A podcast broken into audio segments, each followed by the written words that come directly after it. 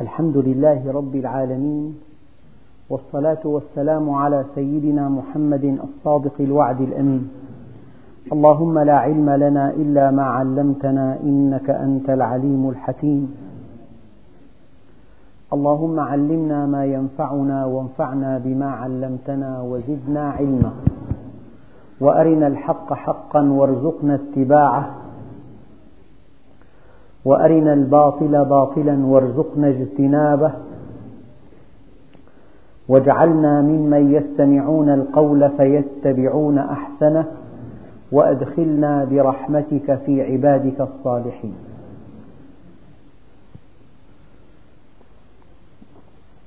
أيها الإخوة المؤمنون مع الدرس الأول من سورة الشورى ومع الآية الأولى بسم الله الرحمن الرحيم. حاميم عين سين قاف. هذه الأحرف التي تبدأ بها هذه السورة والأحرف الأخرى وقف منها المفسرون مواقف متباينة. وقد ذكرت لكم هذه المواقف في دروس سابقة والملخص هو أن هذه الحروف إما أن الله سبحانه وتعالى أعلم بمراده. وهذه وجهة, وجهة, وجهة, وجهة نظر بعض المفسرين. أو أن من هذه الحروف نظم هذا القرآن الكريم. وهذا دليل الإعجاز. أو أنها أسماء لله عز وجل. أوائل أسماء الله عز وجل. أو أنها أوائل أسماء رسول الله صلى الله عليه وسلم.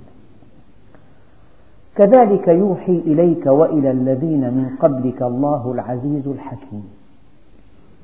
كأن هذه السورة سورة الشورى تلح على موضوع الوحي. وموضوع الوحي يقودنا إلى مقدمة يسيرة وهي أن في العالم عالم الشهود وعالم الغيب. عالم الشهود وعالم الغيب. فعالم الشهود ما يتصل اتصالا مباشرا بحواسنا. فالشيء قد تراه بعينك أو قد تسمع أو قد تسمع صوته بأذنك أو أن تشم, تشم رائحته بأنفك أو أن تلمسه بيدك. فعالم الحس هو عالم الشهود. وسبيل معرفة عالم الحس السبيل هو الحواس.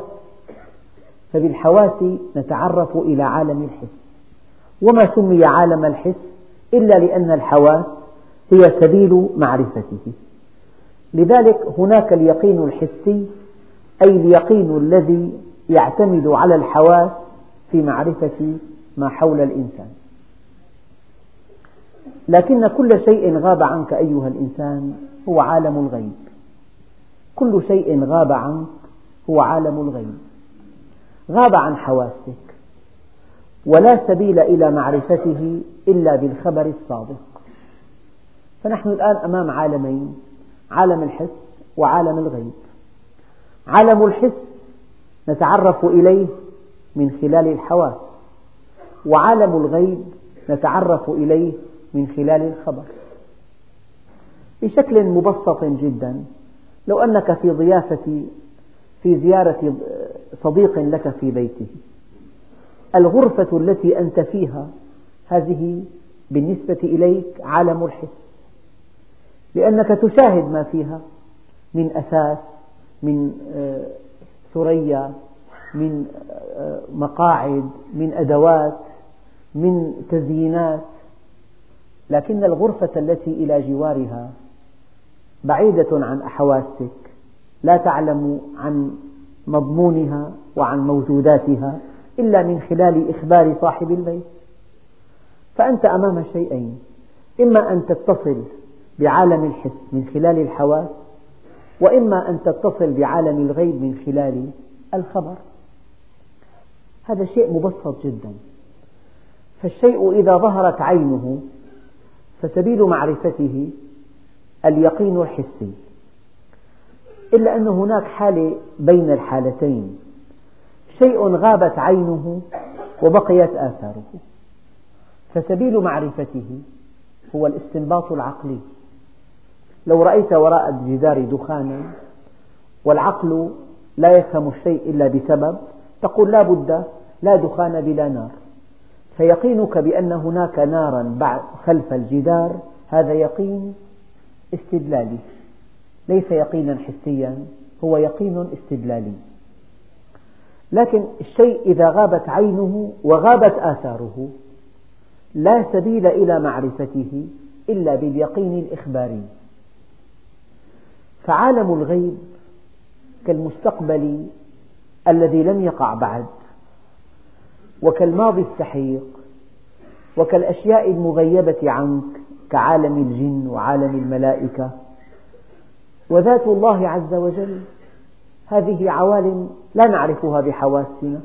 إذا الوحي هو الذي أخبرنا بها.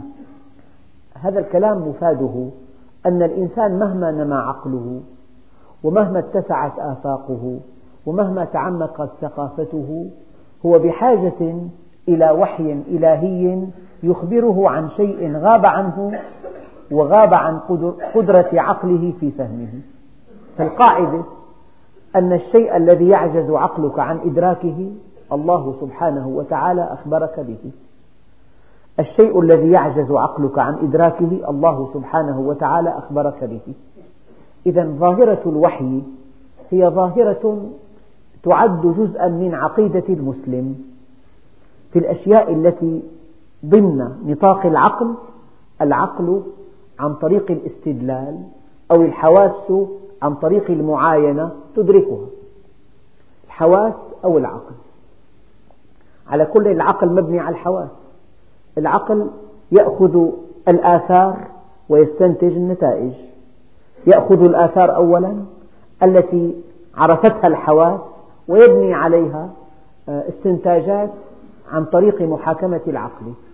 فعالم الحس هو عالم الشهود وعالم الغيب هو عالم الوحي. لماذا خلقنا الله عز وجل؟ هذا نعرفه من خلال الوحي. أين كنا قبل أن نأتي إلى الدنيا؟ هذا نعرفه من خلال الوحي. ماذا بعد الموت؟ هذا نعرفه من خلال الوحي. بماذا كلفنا الله به؟ هذا نعرفه من خلال الوحي. إذا حقيقة الكون ومبدعه حقيقة الحياة وفلسفتها أو فلسفتها رسالة الإنسان ومهمته هذا كله نتعرف إليه من خلال الوحي. إذا العقل وحده لا يكفي. ربما أغناك العقل في معرفة الله عز وجل لأن الكون كله تجسيد لأسماء الله الحسنى وصفاته الفضلى. الكون يجسد أسماء الله الحسنى. فمن خلال عقلك ذي المبادئ المتوافقة مع نظام الكون مبدأ السببية والغائية وعدم التناقض هذا العقل المتوافق مع مبادئ الكون هذا يتعرف إلى أنه لا بد لهذا الكون من خالق. من هو الخالق؟ يقول لك الوحي الله الذي خلق السماوات والأرض. تقرأ القرآن من خلال عقلك. تقول هذا ليس كلام البشر لأنه في إعجاز. إعجاز علمي وإعجاز لغوي وإعجاز تشريعي. إعجاز آه، إخباري. إعجاز تربوي. تشعر بالدليل القاطع الدليل تلو الدليل أن هذا الكلام ليس كلام البشر. هذا بالعقل تستنبطه. وتؤمن أيضا أن الذي جاء بهذا الكلام هو رسول من عند الله عز وجل. معه معجزة. انتهى الآن دور العقل. العقل أوصلك إلى الله. العقل لا يحيط بالله لكن يصل إليه. وشتان بين الوصول والإحاطة. أوصلك إلى الله وأوصلك إلى أن هذا الكلام كلامه وإلى أن الذي جاء بهذا الكلام رسوله ونبيه. الآن جميع الموضوعات التي يعجز عقلك عن إدراكها الوحي أخبرك عنها أخبرك عن ذات الله أخبرك عن أسمائه الحسنى أخبرك عن سر وجودك على وجه الأرض. لماذا خلقك؟ ماذا بعد الموت؟ ماذا قبل الموت؟ ما سر هذه الحياة؟ ماذا ينبغي أن تفعل؟ هناك أمر وهناك نهي وهناك توجيه وهناك إنذار وهناك وعد وهناك وعيد هذا كله بالوحي. لكن الوحي الذي يأتي الأنبياء ولا سيما النبي عليه الصلاة والسلام هذا الوحي شيء من لوازم كمال الله عز وجل. لذلك جاءت الآية كذلك يوحي إليك وإلى الذين من قبلك الله العزيز الحكيم. يعني الوحي إلى النبي عليه الصلاة والسلام ليس شيئا يعني جديدا ليس شيئا مستحدثا ليس شيئا لم يسبق له مثيل لا. هذه سنة الله في خلقه. أي أب من باب التقريب والتمثيل أي أب لا بد من أن ينصح ابنه إذا انحرف عن سواء السبيل. فأن ينصح الأب ابنه وأن يبين له طريق الفلاح والنجاح في الدنيا هذا شيء من لوازم الآباء الصالحين. يعني إن فعلها أب ليس معنى هذا أنه عمل, عمل شيئا لم يفعله أحد. شيء طبيعي جدا أن الله سبحانه وتعالى خالق الكون رب العالمين رحمن الدنيا ورحيم الآخرة لا يدع عباده من دون أمر ونهي وتوجيه وإرشاد ونصح ووعد ووعيد وإنذار وتبيان إلى آخره. فكلمة كذلك يعني يوحي الله إليك وحيا كهذا الوحي. كما أوحى الله إلى الأنبياء السابقين. كذلك أوحى الله إليك. وإذا أوحى الله إليك فهو وحي كما أوحى الله إلى الأنبياء السابقين. إذا هذه سنة الله في خلقه. رحمة الله سبحانه وتعالى بعباده تقتضي أن يأمرهم وأن ينهاهم وأن يبين لهم وأن يدعوهم إلى معرفته وإلى طاعته حتى يسعدهم في الدنيا والآخرة. لكن كذلك يوحي إليك وإلى الذين من قبلك الله. الله علم على الذات صاحب الأسماء الحسنى والصفات الفضلى. يعني قال تعالى ولله الأسماء الحسنى فادعوه بها. أسماء الله تعالى كلها حسنى. لذلك أية قصة أو أي تعبير ينتقص من كمال الله عز وجل من عدالته من رحمته من لطفه من قدرته من قوته من غناه من علمه. هذا الكلام مرفوض لأن الله سبحانه وتعالى أسماؤه كلها حسنى وصفاته كلها فضلة إذا كذلك يوحي إليك وإلى الذين من قبلك. يعني مضامين الكتب السماوية حتى إنهم حتى إن بعضهم يقول ما من نبي كلف برسالة إلا أوحى الله إليه كتابا يكون منهجا لأتباعه الذين يدعوهم إلى الله. إذا كما أوحى الله إلى الأنبياء السابقين أوحى إليك فهذا الوحي ليس جديدا وليس غريبا وليس مستحدثا. الله العزيز الحكيم قال علماء التفسير العزيز في ملكه الحكيم في أفعاله. وكلمة عزيز شرحت سابقا أي أن الله سبحانه وتعالى واحد أحد فرد صمد. عزيز واحد يعني.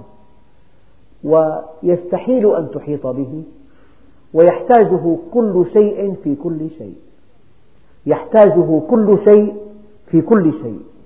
عزيز. لذلك أنت محتاج إليه. فإذا احتجت إلى العزيز نلت منه العزة والكرامة. اجعل لربك كل عزك يستقر ويثبت. فإذا اعتززت بمن يموت فإن عزك ميت. الحكيم كل شيء وقع أراده الله وكل ما أراده الله وقع وإرادته متعلقة بالحكمة المطلقة. الإنسان أحيانا لا يكون حكيما. لماذا؟ لأنه قد تنقصه المعلومات فيرتكب حماقة بجهله. ولأنه قد يضغط عليه فيرتكب حماقة لأنه مضغوط عليه.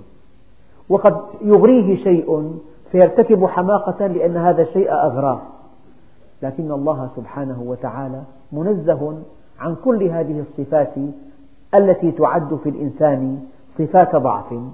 فلذلك حكمة الله مطلقة. ومعنى حكمته المطلقة أن الذي وقع لا بد من أن يقع. ولو لم يقع لكان نقصا في حكمة الله. ولكان الله ملوما. فليس في الإمكان أبدع مما كان. هي عقيدة إذا آمن بها الإنسان ارتاحت نفسه وارتاحت أعصابه. وعلم أن الله سبحانه وتعالى حكيم في أفعاله وأن شيئا في الكون لا يقع إلا بإذن الله وأن كل شيء يقع في الكون هو مزيج من عدالته مع لطفه مع قدرته مع غناه مع رحمته. كل أسمائه الحسنى داخلة في أفعاله. بل إن بعض المفسرين قال أنه حينما يتحدث ربنا عن أفعاله يستخدم ضمير الجمع. يقول إنا نحن نحيي الموتى. إنا نحن نزلنا الذكر وإنا له لحافظون. أما إذا تحدث عن ذاته يقول إنني أنا الله لا إله إلا أنا فاعبدني وأقم الصلاة لذكري. فضمير الجمع الذي يستخدم في القرآن الكريم في معرض آه، ذكر أفعال الله عز وجل يعني أن كل أسمائه الحسنى داخلة في أفعاله. إذا كذلك يوحي إليك وإلى الذين من قبلك الله العزيز الحكيم. الحقيقة أنت حينما تؤمن بحكمة الله تستقبل قضاء الله وقدره بالرضا. حينما تؤمن بحكمة الله ترضى عن الله. حينما تؤمن بحكمة الله ترضى عن حظوظك من الدنيا. حينما تؤمن بحكمة الله ترضى عن كل مصيبة ساقها الله إليك.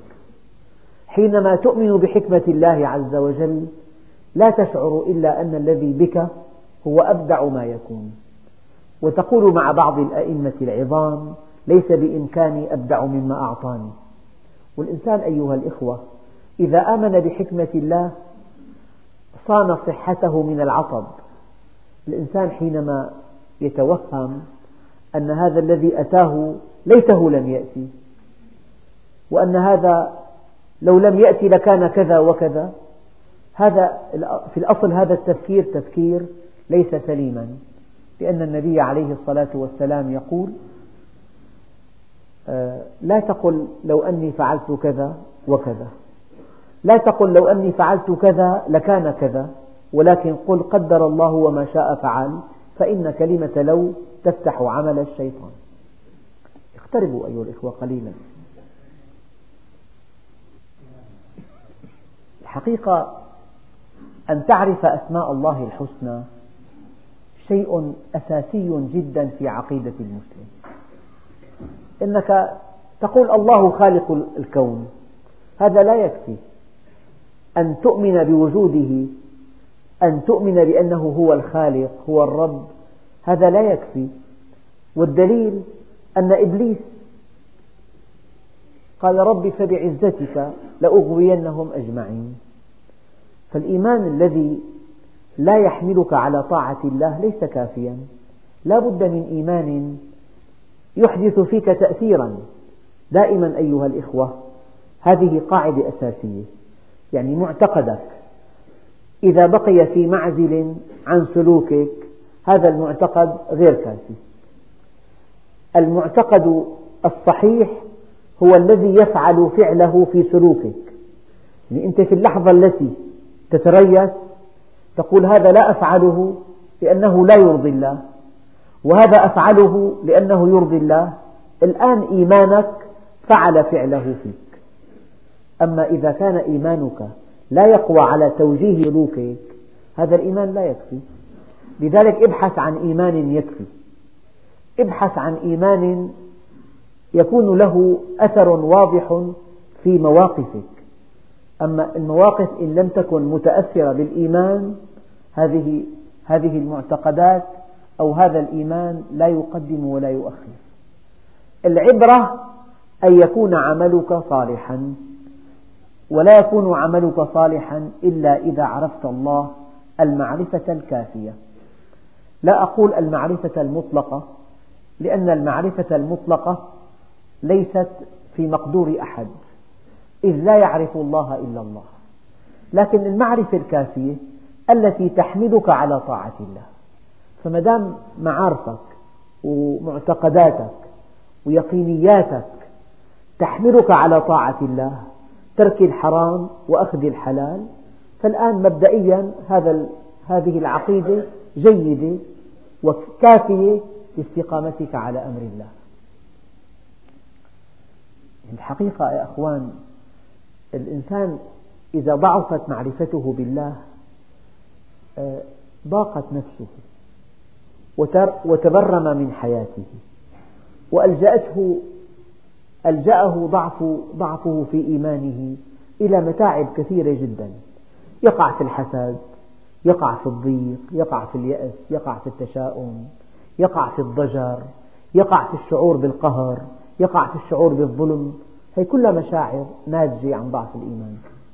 أما إذا آمنت بالله حق الإيمان ورأيته هو المتصرف وهو الحكيم وهو القدير وهو الفعال وهو الغني وهو السميع وهو المجيب وهو العليم وهو الرقيب وهو القريب وهو الذي إذا ناديته قال لبيك يا عبدي إذا تعاملت مع الله بهذه الطريقة طريقة المعرفة والسؤال والدعاء والجواب حلت كل مشكلاتك. أيها الإخوة أنت في ملك الله عز وجل أنت ملك الله. يقول الله عز وجل له ما في السماوات وما في الأرض وهو العلي العظيم.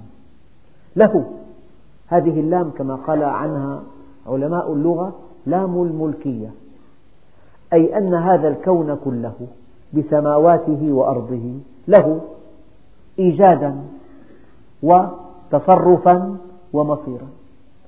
هو الذي أوجده وهو الذي يتصرف به وإليه مصيره. إذا قلنا له هكذا. ملكية الله عز وجل للسماوات والأرض ولمن في السماوات والأرض ملكية تامة كاملة. أوجده يتصرف به إليه مصيره. فأنت أين المفر؟ لو أنك عصيت الله عز وجل أين المفر؟ أنت في قبضته ودائما في قبضته. والإنسان أحيانا خلل بسيط جدا جدا جدا في جسمه يجعل حياته جحيما. والمال عندئذ لا يقدم ولا يؤخر ولا ينفع ولا يغني.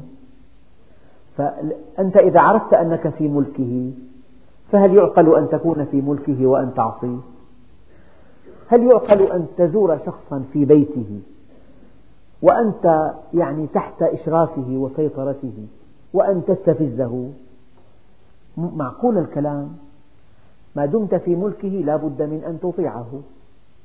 ما دمت في ملكه فهو رقيب عليك. ما دمت في ملكه فهو سيحاسبك. ما دمت في ملكه فهو يعلم سرك ونجواك. سرك وعلانيتك. كلمة له له. ما في السماوات وما في الأرض. هو الذي أوجدها وهو الذي يتصرف بها وإليه مصيرها جميعا.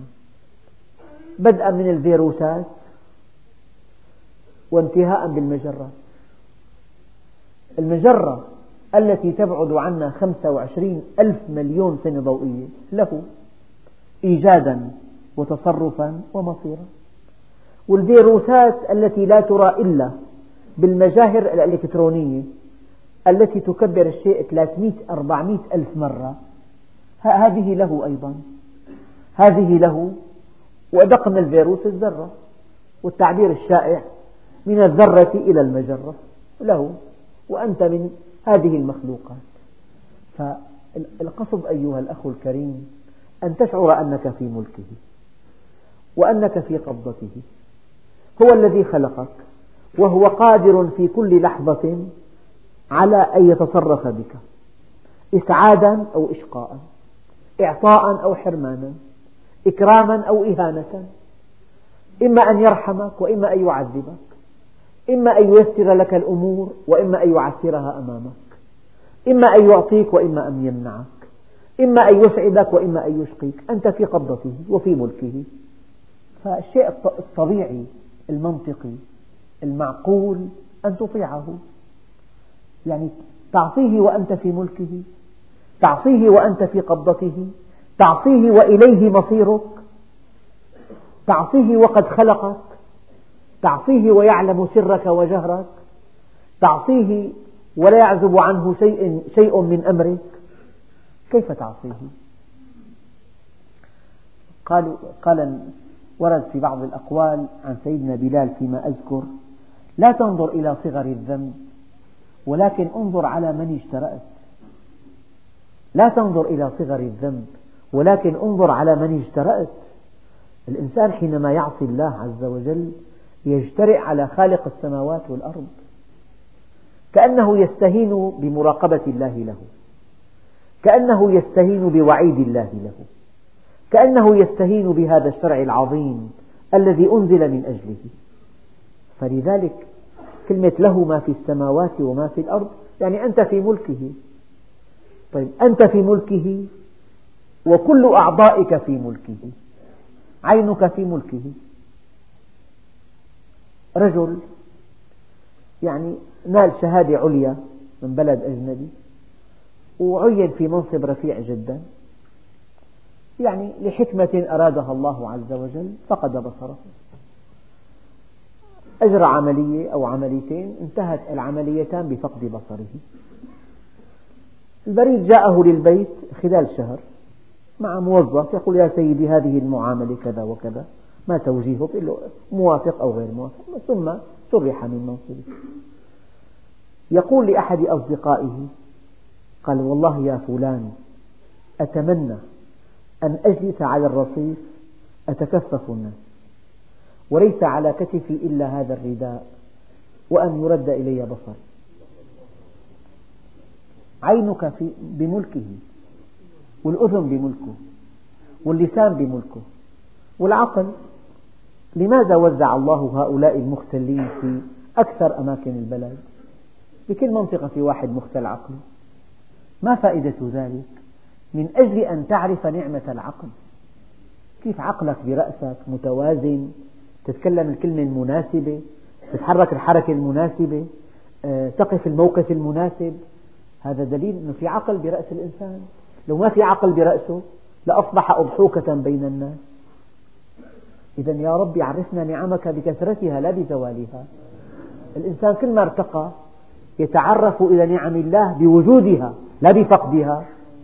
فأنت أيها الأخ الكريم النبي عليه الصلاة والسلام كان إذا أفرغ مسانته يقول الحمد لله الذي أذهب عني ما يؤذيني وأبقى لي ما ينفعني. يعني عمل الكليتين عمل عظيم. تعملان بصمت بهدوء من دون جلسات ثمان ساعات من دون اصطفاف بالدور بالمستشفيات من دون دفع مبالغ طائلة من دون آلام لا تحتمل. كليتان تعملان بصمت صغيرتان هادئتان آه، كل كلية فيها طاقة تصفية عشر أم أضعاف حاجتك كل كلية. فالكلية نعمة كبيرة جدا. الكبد خمسمئة وظيفة له يعمل بانتظام. المعدة الأمعاء القلب الرئتين البنكرياس. يعني آه، اليوم ذكرت في الخطبة أن البنكرياس وزنه 95 غرام. يقوم بوظيفتين خطيرتين. الأولى إفراز مواد هاضمة مؤلفة من ثلاث أنزيمات معقدة جدا وخطيرة جدا. والوظيفة الثانية في جزر في من 2 ل 3 ملايين جزيرة. من 2 ل 3 ملايين جزيرة. هذه الجزر مقياس كل جزيرة 200 ميكرون. كل الجزر وزنها واحد بالمئة من وزن البنكرياس. يعني كل وزنها غرام. الجزر كلها الثلاث ملايين جزيرة وزنها غرام. ثلاث خلايا. خلايا إلفا وبيتا وخلايا نوع ثالث. أول خلية بتفرز مادة مضادة للأنسولين. إذا هبط مستوى السكر بالدم بتحس الكبد على طرح كميات من السكر زائدة والبي والخلية الثانية تفرز الأنسولين هذا إذا كان نقص بالإنسان يصاب بمرض السكر والثالثة لم تعرف وظيفتها بعد. الإنسان لو اختلت هالخلايا هي تصبح حياة الإنسان جحيما. يعني أنت في ملكه البنكرياس الكظر الغدة النخامية وزنها نصف غرام. تفرز 12 هرمون وكل هرمون تتوقف حياتك الفيزيولوجية عليه. لا أريد أن أفصل أكثر من ذلك بس أريد أن يتحسس أحدكم ما معنى أنه في ملك الله؟ إذا كان عيناه سليمتان أذناه سليمتان لسانه يتحرك بانتظام بلعومه يعمل بشكل طبيعي مستقيمه يعمل بشكل طبيعي أمعاؤه معدته البنكرياس النخامية الدرقية هذه كلها تعمل بانتظام. إيه، هذه نعمة كبيرة جدا. أنت في ملكه. فإذا شكرت الله على سلامتك ليزيدنك صحة إلى صحة وقوة إلى قوة وتوفيقا إلى توفيق. أما إذا كفرت هذه النعم وعصيت الله بها عصيت الله بها يعني أصعب شيء أن تعصي الله بنعم أنعم الله بها عليك. وأكمل شيء أن تستخدم النعم في طاعة الله. إن استخدمت هذه النعم في طاعة الله عندئذ رضي الله عنك. الآن الآية تكاد السماوات يتفطرن من فوقهن. التفطر التشقق. يعني هذه السماوات هي جوامد. لكن ربنا عز وجل قال وإن من شيء إلا يسبح بحمده ولكن لا تفقهون تسبيحهم معنى هذه الجمادات الأقمار المجرات الكواكب السيارة الكواكب والنجوم الكازارات المذنبات.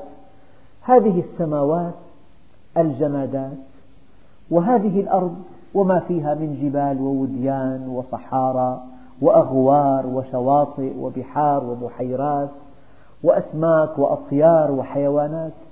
هذه السماوات والأرض تسبح الله سبحانه وتعالى. أولا. بالدليل القطعي وإن من شيء إلا يسبح بحمده. وقد قال الله عز وجل إنا عرضنا الأمانة على السماوات والأرض والجبال فأبين أن يحملنها وأشفقن منها وحملها الإنسان. معنى ذلك أن هذه السماوات والأرض عرضت عليها أن تحمل الأمانة فأبت وأشفقت من حملها. قال هذه السماوات والأرض إن رأت غفلة الإنسان وانقطاع الإنسان عن ربه وشرود الإنسان عن شرعه وشقاء الإنسان في البعد عن الله. بل إن رأت معصية الإنسان وكفر الإنسان وجحود الإنسان وفجور الإنسان وجريمة الإنسان قال هذه السماوات والأرض تكاد تتفطر من هول جريمة الإنسان من شذوذ الإنسان. من كفر الإنسان من انحراف الإنسان. طبعا هذا المعنى مأخوذ من آية أخرى في سورة مريم.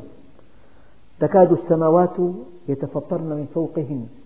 نعم بآخر مريم تأتي آية تفسر معنى التفطر هنا حينما الإنسان يدعو مع الله إلها آخر أو حينما يقول إن لله ولدا. إذا قال هذا الكلام تكاد السماوات يتفطرن من فوقهن والملائكة يسبحون بحمد ربهم ويستغفرون لمن في الأرض للمؤمنين هؤلاء الذين آمنوا بالله عز وجل وكانت لهم أعمال قبل إيمانهم الملائكة يستغفرون للمؤمنين لمن في الأرض ألا إن الله هو الغفور الرحيم الشيء الأساسي أن ربنا عز وجل من أسماءه أنه غفور. فمهما كنت تحمل من خطايا التوبة مقبولة. قل يا عبادي الذين أسرفوا على أنفسهم لا تقنطوا من رحمة الله. نبئ عبادي أني أنا الغفور الرحيم وأن عذابي هو العذاب الأليم. لكن لما قال, لما قال الله عز وجل قل يا عبادي الذين أسرفوا على أنفسهم لا تقنطوا من رحمة الله. إن الله يغفر الذنوب جميعا. إنه هو الغفور الرحيم. قال وأنيبوا إلى ربكم وأسلموا له. من قبل أن يأتيكم العذاب ثم لا تنصرون. قد يأتي العذاب إن لم تتب إلى الله عز وجل. إذا ما دمنا أحياء أيها الإخوة ما دام القلب ينبض ما دام في الحياة فسحة ما دام الإنسان يتنفس باب التوبة مفتوح. وباب المغفرة مفتوح. وباب العطاء مفتوح. إذا ويستغفرون لمن في الأرض ألا إن الله هو الغفور الرحيم؟ والذين اتخذوا من دونهم أولياء الله حفيظ عليهم وما أنت عليهم بوكيل. يعني حينما يتخذ الإنسان وليا من دون الله يعني حينما يتحرك بتوجيه إنسان لا يعرف الله. حينما ينفذ نصيحة إنسان جاهل حينما يرضي مخلوقا ويعصي خالقا حينما يطيع ضعيفا ويعصي القوي حينما يطيع الفاني ويعصي, ويعصي الأبدي. قال والذين اتخذوا من دونه أولياء الله حفيظ عليهم يعني يحفظ لهم أعمالهم كلها يسجل عليهم أعمالهم كلها. أعمالهم كلها تحت مراقبته وهي محفوظة عنده. وما أنت عليهم بوكيل يا محمد أنت لست موكلا عنهم ولن تحاسب عنهم لأن كل إنسان أعطي الاختيار الإنسان مخير. فإذا فعل شيئا سيئا محاسب عليه. ما أنت عليهم بوكيل؟ هذا معنى قول الله عز وجل آه، إنك لا تهدي من أحببت. ولكن الله يهدي من يشاء.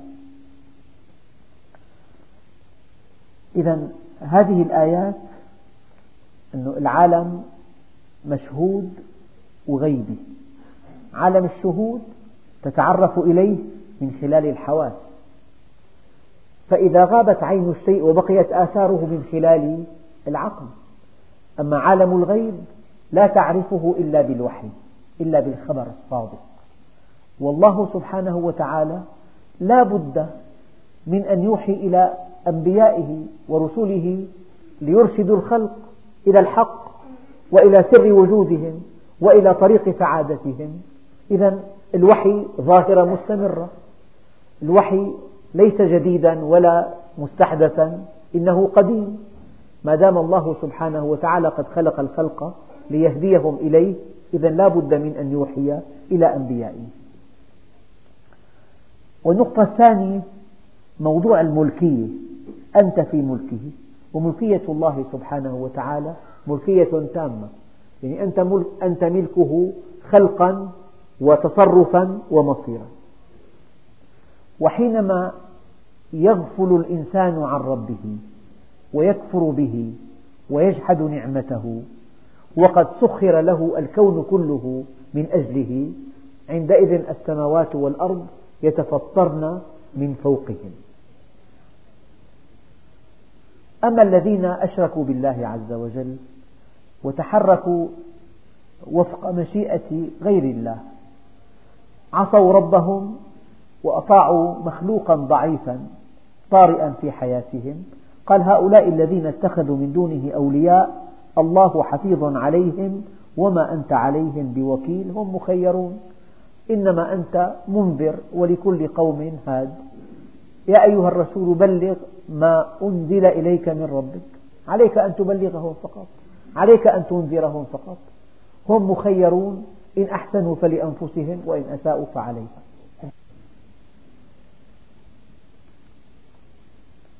أيها الإخوة الآية التي وردت في سورة مريم عن تفطر السماوات والأرض قال تعالى تكاد السماوات يتفطرن منه وتنشق الأرض وتخر الجبال هدا أن دعوا للرحمن ولدا.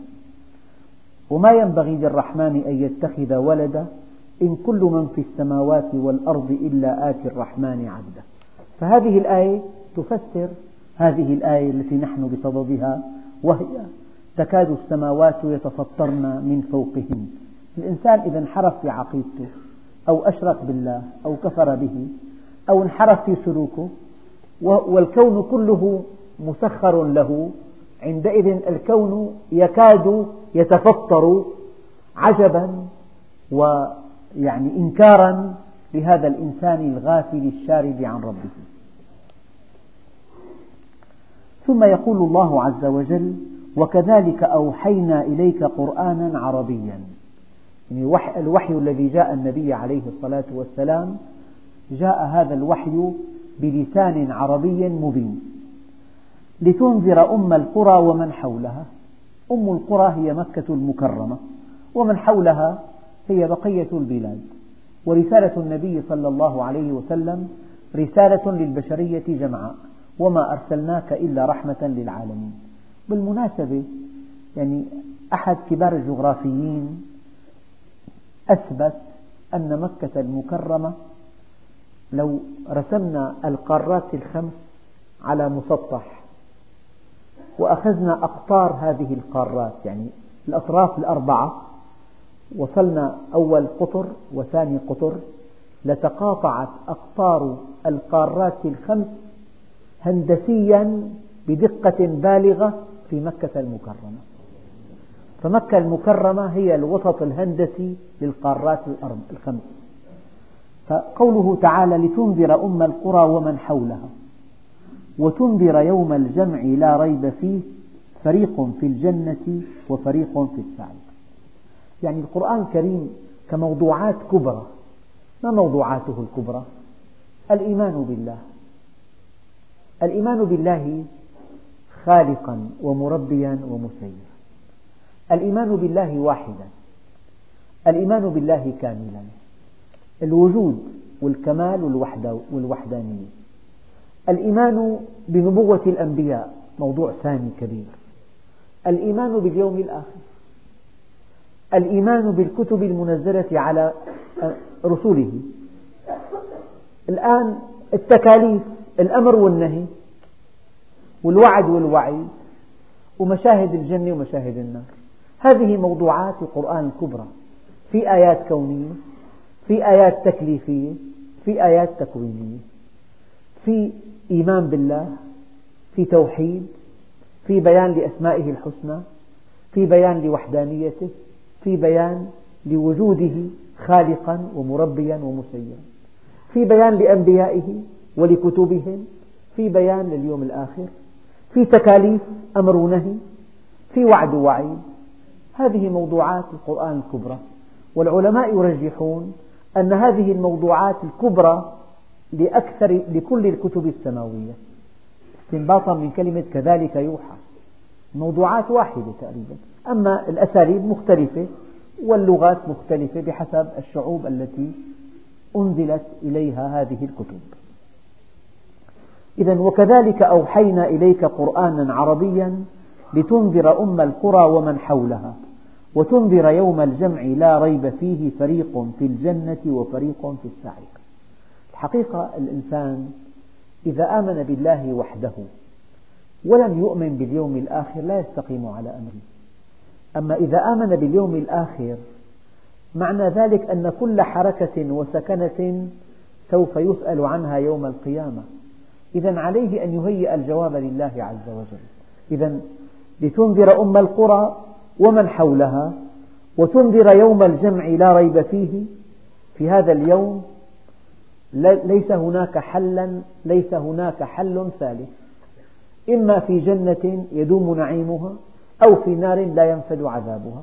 فريق في الجنة وفريق في السعي وفي الدرس القادم إن شاء الله تعالى ننتقل إلى قوله تعالى ولو شاء الله لجعلهم أمة واحدة ولكن يدخل من يشاء في رحمته والظالمون ما لهم من ولي ولا نصير. الحمد لله رب العالمين.